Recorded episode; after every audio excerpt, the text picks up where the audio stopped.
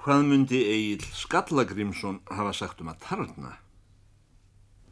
Ég veit ekki fyrir en ég er farin að leggja fyrir mig þessa spurningu í óþægilegum stöðum til að mynda á jam-sessjón. Ellegar í túbunni, brautarstöðum stórborgarna, djúpt í jörðniður á umferðartímunum. Eða þegar fimmleika trúðar fara að dingla í loftinu með höfuðið nýður og láta sig hanga hver út úr munninum á öðrum í tífóli. Reyndar get ég líka haft til að spyrja svona þegar vel líkur á mér. Eins og þegar verið er að sína 350 fáklættar fegurðar dísir umleiknar bengalskri ljósbyrtu í japanskum næturklúpi eða þegar The New York Times sem er 2-3 kíló á þyngd kemur af sjálfu sér innum dýragættina í hótelherbergi mínu á sunnudagsmórni. Sömuleiðis þegar ég er sestur að skoða ósvíkin eh, kommersjál eh, sjónvarsefni sem eh, þykir matur í af því þar kemst bjart síni nútímans í hámark og meira að segja ósjálfráður káttbrósleiki hans. Til dæmis þegar verður að sína nýmóðins pönnukökujökk í pökkum og heldri maður flyttur andlega þroskaðan fyrirlestur um undrið og bakar pönnuköku í leiðinni. Ellegar það er verið að sína ölltegund sem myndar undursamlega fróðu. Mikið fyrir takk í þessari hýtamollu sem nú gengur yfir. Og fylgir lofgerðar rolla úr prestlegum manni sem yðar af trúarlegri hrifningu yfir þessu kraftaverki. Reyndar óhugsandi að þessi óttalega fróða komi á ölið nema baðsalt hafi verið látið í það. En hver er þessi blessaður Egil Skallagrímsson? Er það kannski einn af þeim öndvegishöldum nútímans sem hafa fundið nýja siðaformúlu í samskiptum millir þjóða?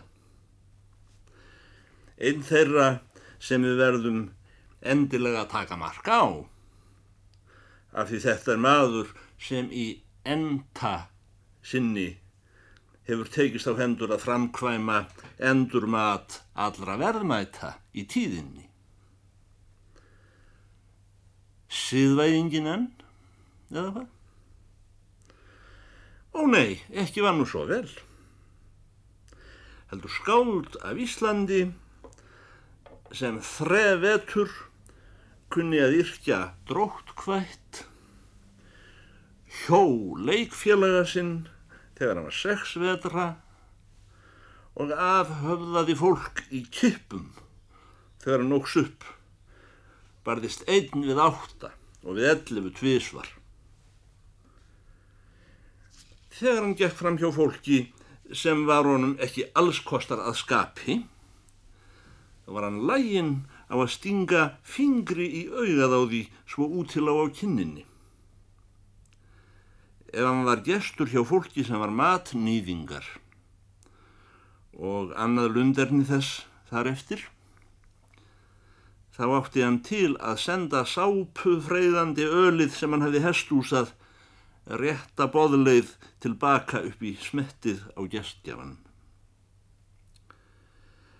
Hann var einn síðastur manna í tölu þeirra stórmenna Íslands sem haft var lag á að býta fólk á barkan svo ekki þurfti að binda um skeinu. Þó Sven Stólpe telji Egil Skallagrimsson viðbjóðslegasta fígúru í öllum heimsbókmentunum samanlöðum var hann samt langmestur ljóðasmiður norrætna þjóða í þúsund ár.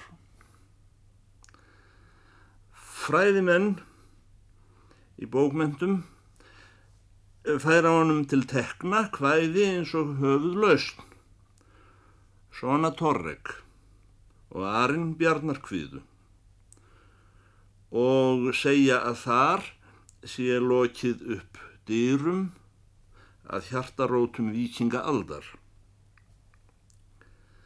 Áður en Egil sálaðist, kominn af fótum fram, að Mósfelli, pressetrinu í dalnum þar sem ég á heima, let hann tvo stráka sem hann draf síðan, hjálpa sér til að sökva silfurkistum sínum tveim í kelduna sem ég horfi á þegar ég lít út um gluggan hjá mér. Enda var mér oft reyka þangað, bæði fyrir og síðar, gáhort Silfurdal frá kallinum kynni ekki að það var flotað upp en það hefur því miður ekki orðið og ekki heldur nú í vor þegar feiknalegar grafvélar voru að verki og ræstu mýrina til þurkunar. Við skulum byggja og vona að saga Egil Skallagrímssonar sé lígi frá rótum. Að minnstakosti verður ekki betur séð en hún séðað í þeim greinum sem rannsakaðar verða með raunvísindalegri aðferð. Sagan er samin 250 til 300 árum eftir að Egil var uppi og bókmentaleg hefð skipaði svo fyrir að einmitt í þessa veru skildi líst görpum úr hefni. Ímislegt stiður þó skoðun að hvæði eglu hafi ekki verið orrt fyrir en allöngu eftir að sagan var samin. Ekkert ætti þó að vera því til fyrirstöðu að þau gætu verið orrt nokkrum ætliðum áður en var samin. En hefur ekki fundist aðferð til að koma í veg fyrir villur sem geta ortið á þremur til fjórum öldum í tímasetningu forna kvæða. En það sem mestu varðar er óneitanlega að þarna standa kvæðin.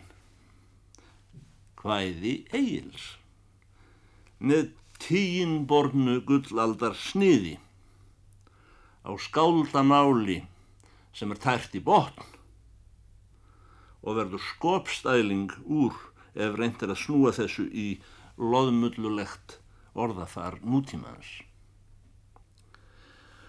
Og hér er Egil's saga sjálf. Fljótt á litið samin á ljósu máli umfram flestar bækur. En býr yfir útsmognu tvísægi og þeim leindardómum sem sent verður komist fyrir. En hvar stæði egla hefðu ekki verið látin í hana hvæði? Lítum á þessa furðulegu bókmenta til raun um siðferðilega fíbldyrfsku. Höfðlösnarsögu Egil's.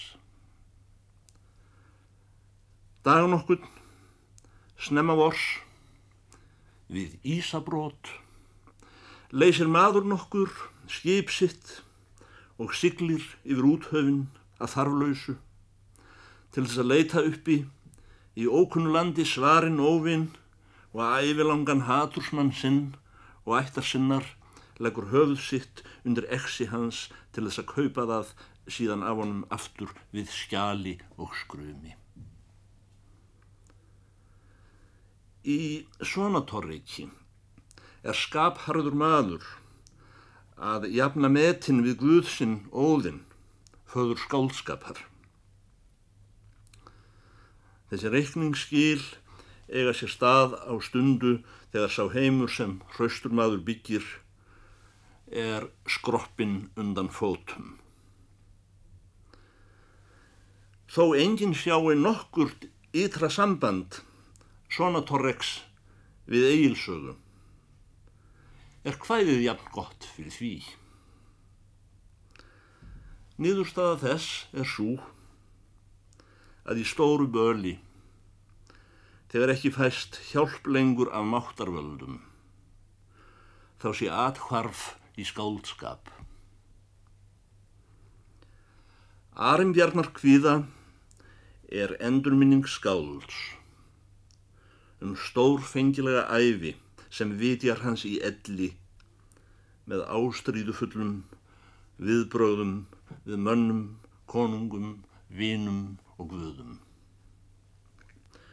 Og henni líkur með erindi sem gerir tímasetningar að auka atriði eða réttar að sagt liftir yrkisefninu upp í eilíman tíma. Var ég árvakur, bar ég orð saman, með málþjóns morginverkum, það er að segja með morgunlegum tilverknaði tungunar.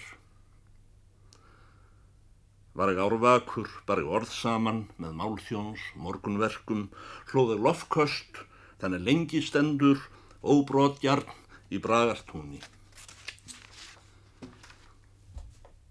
Eftir hugmyndum nútímas og viðurkendri amrískri venju á salernið að vera litfegurst herbergi og íburðan mest í mannabústöðum. Með snikk sem myndi hæfa Daníl og Greifa og kátu ekkunni. Því næst kemur eldúsið, þar sem nokkur týjir af hótfundnum trillitækjum eru til taks. Og auðvitað sjónvarp í barnaherberginu auðkaldur annar staðar. Einhver sagði mér á dögunum að bílar samanstæðu af 20.000 pörtum. Ég hefði haldið að þeir væru fleiri. Aðrir segja að þeir séu færri. Það veri ráð að telja og dvelja svo um fyrir sér meðan beðir eftir Godó. Hvað átti Egil Skallagrimsson mörg trillitæki? Óvalinn Bittnik á líklega fleiri. Ætli hetjan Egil Skallagrimsson og dýrlingurinn Frans frá Assisi hafi ekki verið í sama flokki að því er snertir trillitæki. Þegar frá eru taldar silfurkistur þær sem hann gemdi keldunni þá átti hann á gamals aldrei ekki nema eina yfirhöfn sem reyndar virðist hafa verið allra gagn í húsinu því sá af sónum hans sem hann unni minnst fór í henni til þinga. Þessi fræi vígamaður átti ekki einu sinni frækt sverð. Þegar skáldbróðir hans, einar skálaglam, kom við á bænum að vitja skáldsins í elli hans. En var svo óheppin að grípa í tomt. Þá hengdi hann upp skjöld, sett hann gulli og gimsteinum sem kostiði 10.000 dollara fyrir ofan rúmi Karlsins. Þegar Egil kom heim og sá þennan fjanda hanga þarna, þá saði hann Fáið mér hestminn og mjög ríða eftir því djöfuls hybli einar í skálaglam og drepa hann sem betur fór var einar allur á bak og burt. Egil Skallagrimsson týndi síðan þessu appirati onni síruker. Ekki alls fyrir löngu voru mér sögð tíðindi af ungu skáldi sem varð svo ástfangin af sværu sinni hann óg bílnum inn í skúr, dró innsóið út, lokaði öllum dýrum og kapnaði. Það kemur einstöku sinnum fyrir í fornsögum að fólk springur af harmi. Það er ripnar í tvent af göðugu sálarstríði á sögulegri stund engum valkyrjur. Jómsvíkingar hlóu og fóru með klámvísur meðan þeir voru bútaðir í smásbítur, bundnir á höndum og fótum. Hvergi í formsögum þekkist það svartagals raus upp úr Jóp og Jeremíasi sem sumir halda að sé nútíma skaldskapur. Að vísu segir Egil í hveðskap sem á að vera frá elli dögum hans að hans er farin að verða fótkaldur. Fætur hans séu eins og gamlar ekkjur og beri hann varla lengur um húsið. Önugar griðkonur setja albogan í gamla mannin. Hann er fyrir þeim þar sem hann klúkir við hlóðinn fram í eldúsi á kafi í Móreik að orna sér. Hann heldur áfram og segir að nú sé hann orðin náttúru laus og dregur ekki dul á að þetta sé hundaæfi fyrir mann sem var út um allan heim hér fyrir meir og beit fólk á barkan. Ögn fíldur er hann, satt er það, ber sér þó ekki. Þetta er nokkuð kaldri við aður maður. Í þjóðmenningum, þar sem menn lifa eins og hetjur eða dýrlingar, með öðrum orðum líkt og steinaldar fólk, Þar er engin grámiklu hugsun, nýja svartagals raus og ekki heldur einlegt verið að hugsa um að stúta sér. Spakir menn og formfróðir hafa komist að þeirri nýðurstöðu að steinöldin einn hafi verið hamingutími mannkins. Á þeirri öll sem við lifum ækmannsöldinni. Þá er eins og öll bjart síni hafa orðið eftir í amrískum sjónvarpsauglýsingum, kommersíalnum. Gleðibóðskapurinn er ódýr munaður eins og pönnuköku jukk í bóksum og öllfróða sem kraftaverk. Svartagals rausið er önnur hliðin á þeirri mynd þar sem Dionysos er þrýst á hinum einn. Ef ekki er glerhörð skorpan á brauðnúðunum með morgunkaffinu, það gerir mann örfinglaðan. Ef þar við bætist að afísblæðið kemur ekki rétt stundis innum gættina á mornana fíkur verulega í mann. Og ef menn bera vonlausan ástarhug til tengdamóður sinnar, þá fer að kárna gamanið. Vasklósettið vel gljáandi og hundrað trillitæki í kokkhúsinu duga líkt úr þessu. Sama er að segja um óhemjulega bjart síni í auglýsingum köpmanna. Í ljóðræðni stærð á vorri tíð nær sá marki sem ekkur bíl sínum inn í skúr, lokar á eftir sér og hleypir á vondu lofti, þá til hann kapnar. Hvað myndi Egil Skallagrímsson að vera sagt um að tarna?